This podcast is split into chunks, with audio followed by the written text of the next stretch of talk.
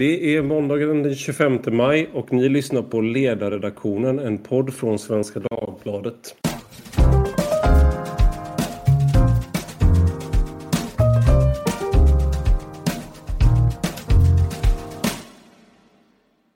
Idag så ska vi prata om de nya förslagen om ett förändrat anställningsskydd som SVT Agenda igår verkade ha kommit över. Och i det här nya förslaget som eh, kommer i en ny utredning om eh, en vecka så kommer man kunna göra fler undantag från lagen om anställningsskydd. Och facken har varit väldigt kritiska. Eh, Tobias Paudin som är ordförande för Kommunal säger att nu är det fritt fram för arbetsgivaren att göra sig av till höger och vänster med vem de vill. Från företagarnas sida så tycker man å sin sida att man inte har gått tillräckligt långt. Så ingen är helt nöjd med det som har presenterats ungefär. Och med mig för att tala om detta har jag Caspian Rebinder som är ansvarig för arbetsmarknadspolitiska frågor vid Timbro. Välkommen! Tack så mycket! Och Torbjörn Holle som är LO-ekonom och just nu tar sig tid för oss eh, trots att hans barn spelar fotboll. Har jag, har jag rätt i det? Absolut. Lillgrabben spelar fotboll på måndagar. Så att, eh, men eh, det passar alltså alldeles utmärkt för det här samtalet. Jag tänkte jag skulle börja med, eh, med dig Torbjörn. Vad är, hur ser du på det här från LOs sida? Är det, är det här, om det här förslaget läggs fram. Om, igår i SVT Agenda så, kunde, så sa Jonas Sjöstedt att det här var i princip en krigsförklaring om det läggs fram och att eh, då tänker man fälla regeringen. Är det så illa som Jonas Sjöstedt och Tobias Baudin eh, låter påskina här? Ja, men det tror jag. Det tror jag. Eh, alltså, alltså, man, alltså det är mycket i Sverige som inte fungerar särskilt väl. Vi har inget försvar om ryssen kommer. Eh, vi har en skola som producerar väldigt dåliga skolresultat. Vi har en äldreomsorg med stora problem som vi inte har märkt nu under coronakrisen. Men något som fungerar väldigt väl är ju svensk arbetsmarknad. Vi har högst sysselsättningsgrad i Europa. Vi har lägst konfliktnivå i Europa. Vi är ett av de få länderna som har haft reallöneutveckling. Så att objektivt så fungerar svensk arbetsmarknad mycket väl. Sen har vi ett problem med att vi har många som har kommit till vårt land som eh, migranter och har svårt att komma in. Ehm, men att, att gå fram med en bazooka mot den svenska arbetsmarknaden som är en av de kanske få delar av svensk ekonomi och, och svensk, eller, eh, svenska samhället som fungerar väldigt väl framstår som eh, väldigt obalanserat. Det finns ett bra uttryck som heter så här. If it ain't broke, don't fix it. Men är det inte, har det inte varit en... Eh, det har ju varit ett problem med att man har ett, ett gammalt system som egentligen ingen är, verkar vara helt nöjd med. Man vill ha mer... Man vill ha kvar tryggheten från fackens sida men man vill också ha möjlighet för människor att utbilda, alltså att komma vidare i karriären, byta jobb utan att förlora den tryggheten. Och från Eh, från arbetsgivarnas sida så har man velat ha mer flexibilitet att göra sig av med personal i, i kristider och, och sådär. Så det har ju varit anledningen till att man, att man överhuvudtaget har den här utredningen är väl för att uh, arbets, eh, uh, arbetsmarknadens parter inte har kunnat uh, komma överens. Nej, men ja, ja alltså Eh, alltså, själva lagstiftningen, den, den statliga lagstiftningen är ju, liksom, är, är, fem, är ju nästan 50 år gammal. Det tillkom ju ironiskt nog på, efter krav från Folkpartiet och Centerpartiet på 70-talet. Eh, och på den tiden så var ju arbetsmarknadens parter mot att man skulle gå in och lagstifta. Men och man kan ju tycka att, att det skulle man aldrig gjort för 50 år sedan. Men nu är det gjort och nu är, liksom hel, nu är hela arbetsmarknaden utformad utifrån att den här lagstiftningen finns. Och tar man bort lagstiftningen, eller, eller stora delar av lagstiftningen, så kommer ju balansen Eh, att skifta och från, från alltså där arbetsgivarna helt enkelt, deras, de vinner och arbetstagarna förlorar.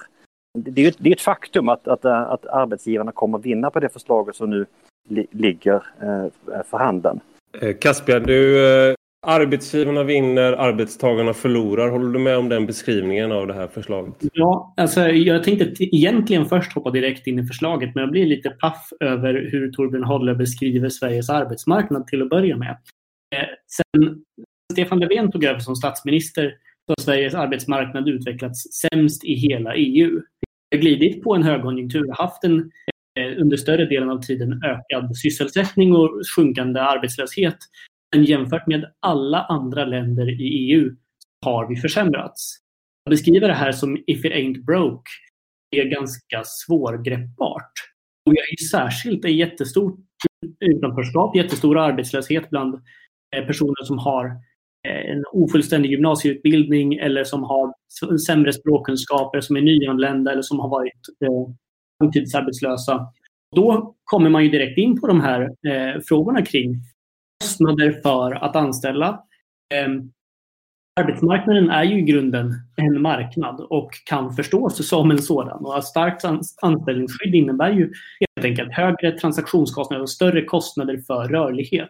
Det innebär att arbetsgivare kommer dra sig för att både anställa och säga upp.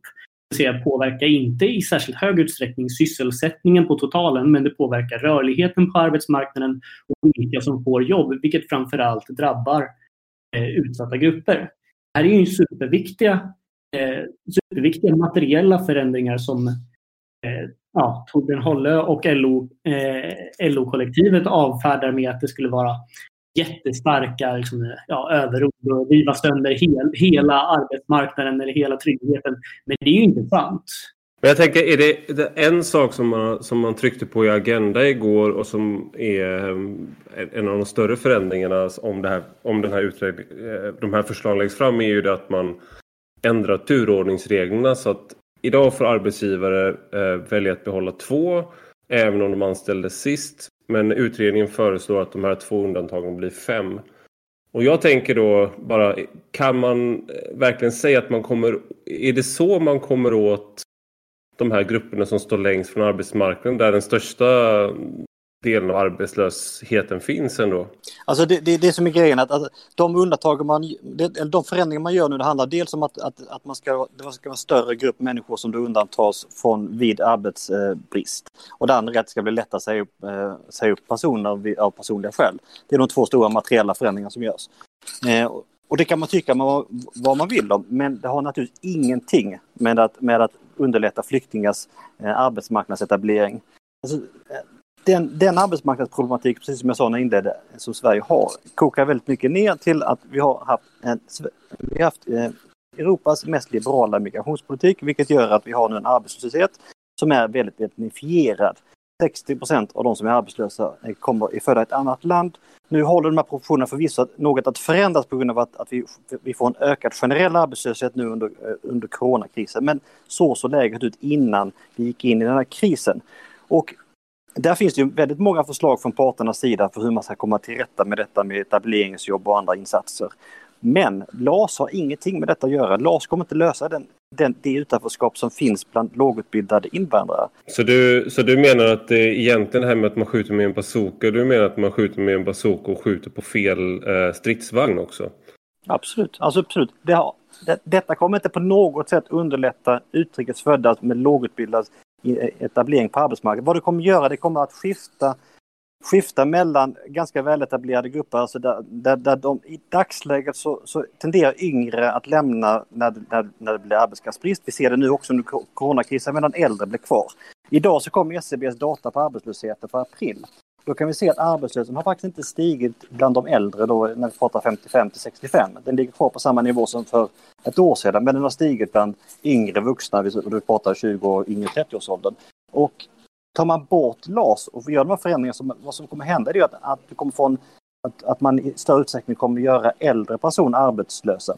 Och man ska ju veta att LAS tillkom ju just för att försöka behålla, behålla kvar äldre personer på, på arbetsmarknaden därför att det är samhällsekonomiskt rationellt. Därför att vi vet när äldre personer förlorar sina jobb så är det mycket lägre chans att de kommer tillbaka. Det var ju de motiven som, som man hade när man införde det här regelverket för 50 år sedan och motiven kvarstår. Alltså det vill säga att det, är, det, att det, det blir ett skifte i vem som blir arbetslös. Kasper, finns det, jag vill gärna att du kommer in här och kommenterar det Torbjörn säger. Eh, är, är det Kommer man åt den här problematiken eh, med arbetslöshet i de grupperna där vi, där vi ser den höga arbetslösheten med en förändring av, av LAS, tror du? Det här är ju förstås inte en silver bullet som kommer lösa all arbetslöshet, naturligtvis inte. Eh, men eh, det är fascinerande att höra också hur snabbt Torbjörn avfärdar och säger att nej, det här kommer inte göra någon skillnad alls för de här grupperna. När vi faktiskt har ett experiment så att säga från tidigare, när tvåundantaget infördes. De här två personerna som man får undanta från turordningen i mindre företag, som du nämnde. Det har ju gjorts ganska säga, ganska mycket forskning kring vad, vad det har fått för effekter och sysselsättningen har ökat bland utrikesfödda som följd av den här den reformen. Produktiviteten ökade i de företag som omfattades jämfört med företag som inte omfattades av den här undantagsregeln. Eh, arbetskraftsproduktiviteten i de företagen eh, ökade med i snitt 2,5 eh, procent. Det är liksom ett helt år av lönetillväxt om man följer märket bara med en sån liten reform. Eh, sen kan man, man kan säga att det här inte är värt det eller att det finns andra skäl som talar emot. Men att helt avfärda de forskningsresultaten och säga att det här inte kommer underlätta insteg på arbetsmarknaden eller att det inte kommer höja produktiviteten inte påverka benägenheten för företag att anställa. Då måste man ju blunda för den forskning som finns. Blundar du Torbjörn? Nej, jag tror, jag tror jag gör en ganska adekvat beskrivning som jag tror de flesta ställer upp på. Att, att, att vad, alltså vad LAS handlar om det är att det, det handlar om vilka grupper som blir arbetslösa. Alltså, blir, och med LAS så tenderar att man håller tillbaka arbetslösheten hos äldre och, och yngre då i viss mån får en ökad arbetslöshet. Tar man bort de här regelverken så kommer det bli tvärtom. Det säger att, att att det kommer, det kommer öka arbetslösheten bland, bland de äldre grupperna och, och kanske hålla tillbaka lite bland yngre. Alltså det, det, det är ett nollsummespel. Och man, och man ska veta att motiven, alltså det, de, den här diskussionen har vi haft i 50 år. Alltså detta genomförde man för 50 år sedan just med anledning att man ansåg att det var samhällsekonomiskt rationellt att behålla, eh, behålla äldre på arbetsmarknaden.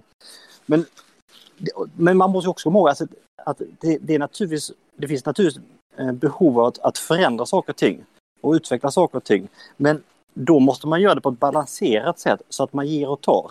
I det här fallet så är det, så är det i princip enkom förbättringar för arbetsgivaren och i princip enkom försämringar för de anställda. Det, det, är, inte, det är inte rimligt. Jag, jag, tänker en annan sak om man bortser från eh, liksom det konkreta eller utöver det konkreta innehållet så är det ju också den parlamentariska verkligheten som det här förslaget i så fall möter där Jonas Sjöstedt säger att han är, är beredd att fälla regeringen på det här om de lägger fram det här förslaget. Eh, och Ulf Kristersson säger väl att han tycker att förslaget om det läggs fram så som det ser ut i SVTs, eh, SVTs framställning eh, ser bra ut. Eh, men han är ändå beredd att fälla regeringen på det, om jag förstår honom rätt. Eh, så vad, vad, vad, vad tror du Caspian? Hur kommer det här förslaget att läggas fram och kommer det eh, passera riksdagen?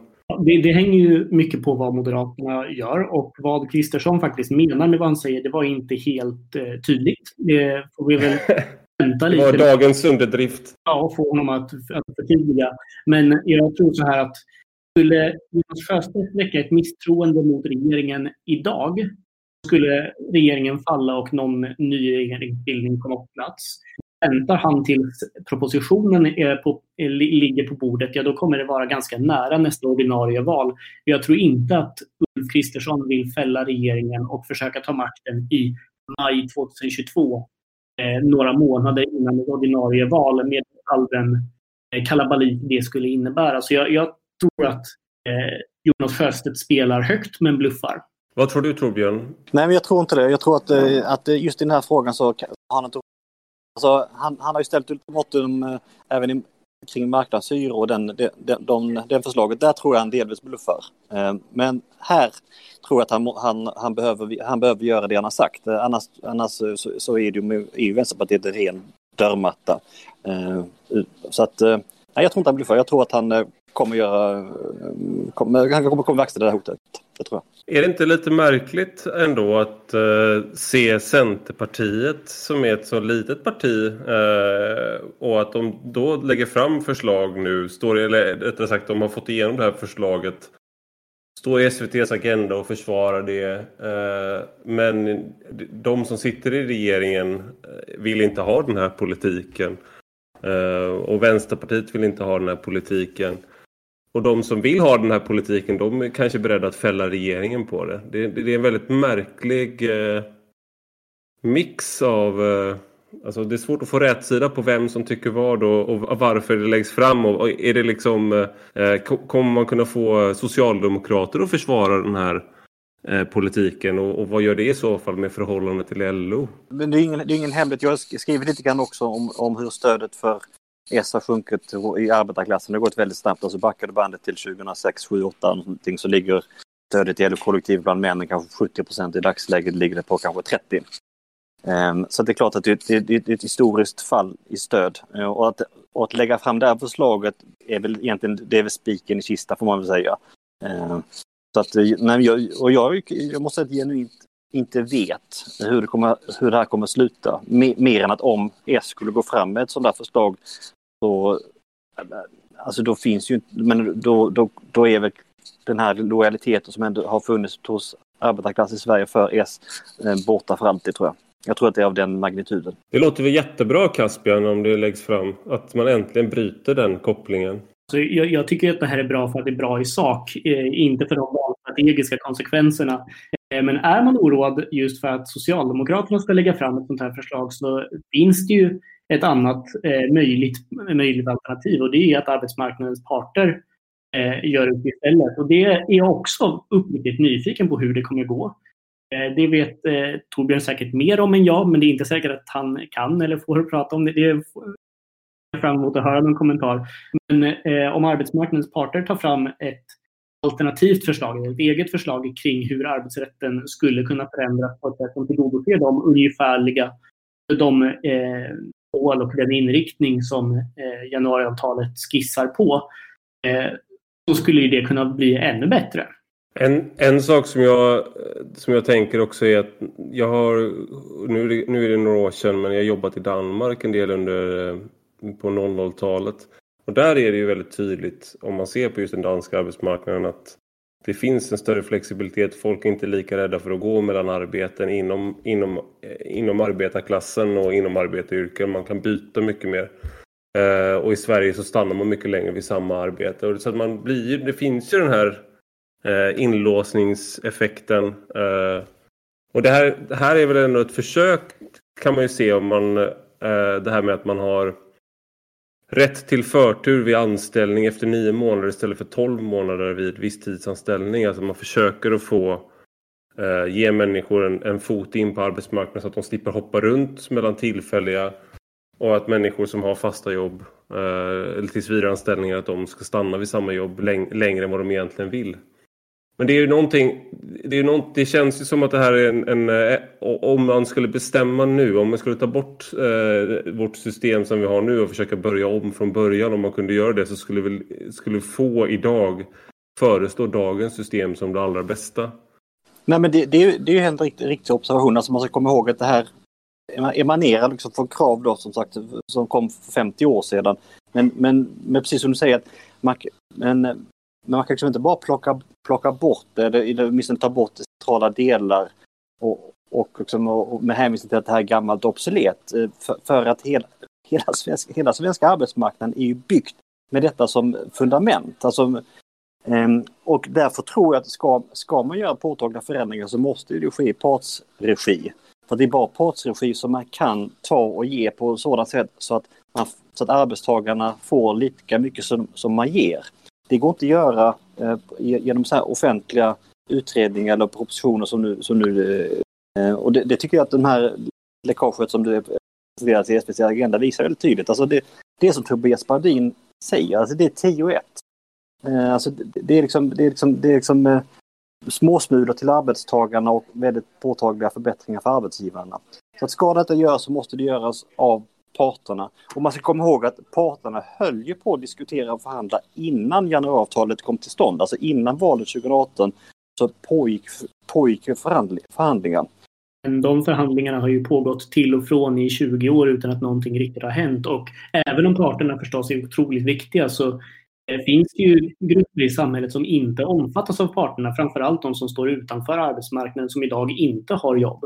Och om arbetsmarknaden inte lyckas leverera en eh, långsiktig sysselsättning för breda grupper, även eh, som eh, utrikesfödda, även personer som har kanske hoppat av gymnasiet eller liknande, då, då har ju politikerna ett övergripande ansvar att se till att regelverket och ramverket fungerar.